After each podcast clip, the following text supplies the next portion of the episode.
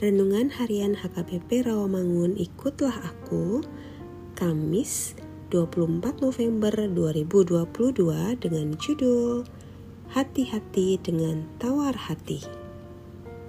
Bacaan kita pagi ini tertulis dalam 1 Korintus 7 ayat 29 sampai 31 dan bacaan kita malam ini tertulis dalam Wahyu 3 ayat 7 sampai 13 dan kebenaran firman yang menjadi ayat renungan kita hari ini ialah Yesaya 35 ayat 4 yang berbunyi Katakanlah kepada orang-orang yang tawar hati kuatkanlah hati janganlah takut.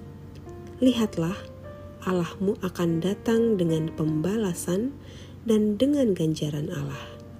Ia sendiri datang menyelamatkan kamu. Demikian firman Tuhan Sahabat ikutlah aku yang dikasihi Tuhan Yesus. Keberanian adalah bagaikan air bagi api sementara ketakutan menjadi bensinnya.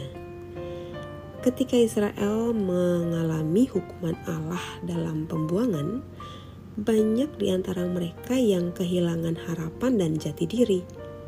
Dalam penghukuman Allah, bukannya bertobat atau kembali kepada Allah, mereka malah semakin tak kabur dengan ikut menyembah ilah-ilah bangsa lain. Sementara sebagian dari mereka yang berupaya untuk bertahan mengalami ketakutan dan kehilangan harapan. Mereka melihat bahwa hukuman itu adalah hukuman kekal dan Allah telah meninggalkan mereka. Melalui Yeremia, Allah memberi harapan akan pemulihan dan kemenangan. Sayangnya, tetap saja banyak di antara mereka yang hidup dalam ketakutan dan kurang percaya pada janji Tuhan. Sahabat, ikutlah aku sebagai manusia. Kita pasti memiliki persoalan-persoalan yang harus dihadapi. Namun, apakah kita punya keberanian untuk menghadapi atau justru kita melarikan diri dari persoalan bahkan membuat kita tawar hati, ketakutan, dan stres. Berhati-hatilah sebab tawar hati adalah alat si iblis untuk mengecilkan kekuatan kita, bahkan menjadikan kita kehilangan arah. Dalam hidupnya, Daud pun mengalami persoalan yang beragam, bahkan persoalan tersebut adalah persoalan-persoalan besar.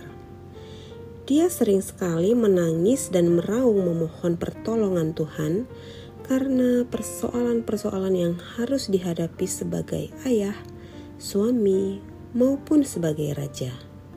Apakah Daud kemudian lari dari masalah? Tidak dia selalu menghadapinya dan mencari pertolongan Tuhan. Tidak sekalipun persoalan membuatnya menjadi kecewa dan tawar hati. Bagaimana dengan kita? Mari kita berdoa. Tuhan, berilah aku keberanian untuk mengubah apa yang bisa kuubah dalam hidupku dan dalam diriku bahkan kekuatan untuk menghadapi setiap persoalan yang kuhadapi. Amin.